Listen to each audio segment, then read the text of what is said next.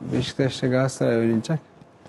Röportaj yapılıyor. Bir kişiye soruyor muhtemelen e, 50'li yaşlarında biri. Eskiden derbilerin tadı başkaydı diyor. Şimdi, şimdi öyle değil diyor. Ben yaşlandım demiyor da derbiler kötüleşti diyor.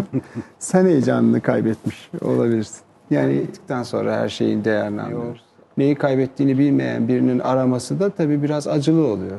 Fazla çırpınıyoruz, fazla bulmaya çalışıyoruz sıkıntılı bir durumumuz var ama yine de tarihe baktığımızda ben yaşadığımız çağdan memnunum. Yani bence kişisel olarak yaşayabileceğim en iyi zamanda yaşadığımı düşünüyorum. Yani hiç aklım almıyor benim 100 yıl önceki Anadolu'da, 200 yıl önceki Makedonya'da, 400 yıl önceki Afrika'da yaşamak korkunç bir şey olurdu herhalde.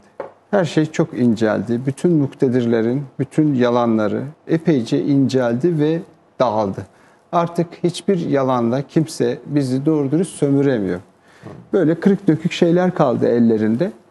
Ee, onunla da hani çok fazla üstümüzde hakimiyet kuramıyorlar. Elimizdekinin kıymetini bilebiliriz. Yaşadığımız şey bu kadar yani. Bu, bu bundan daha iyisi yok. Yani güzellik nedir? Ee, çekici olandır diyor. Çekici olanı da derinleştirince cinsel bir şey çıkar. Cinseldir yani çekicilik aslında. Erotik bir uyarılma yaşatması gerekiyor. Biz her yere bakarız diyor ama cinsel organlarla ilgilenmeyiz. Onu güzel de bulmayız, çirkin buluruz. Bakmadığımız yerin etrafında örgütleniriz.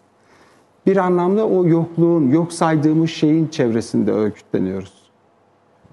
O yüzden de sakatlanmış oluyoruz. Yani uydurduğumuz şeylerle estetize edip gerçekten kaçmak gibi bir şey bu.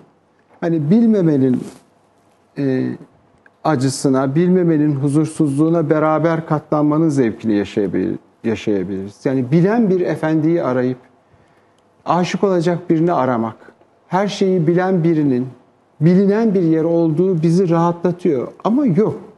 Yani öyle bir sömürüdense bilmemenin huzursuzluğunu paylaşıp eğlenebiliriz gibi geliyor ben, bana bu dünyada.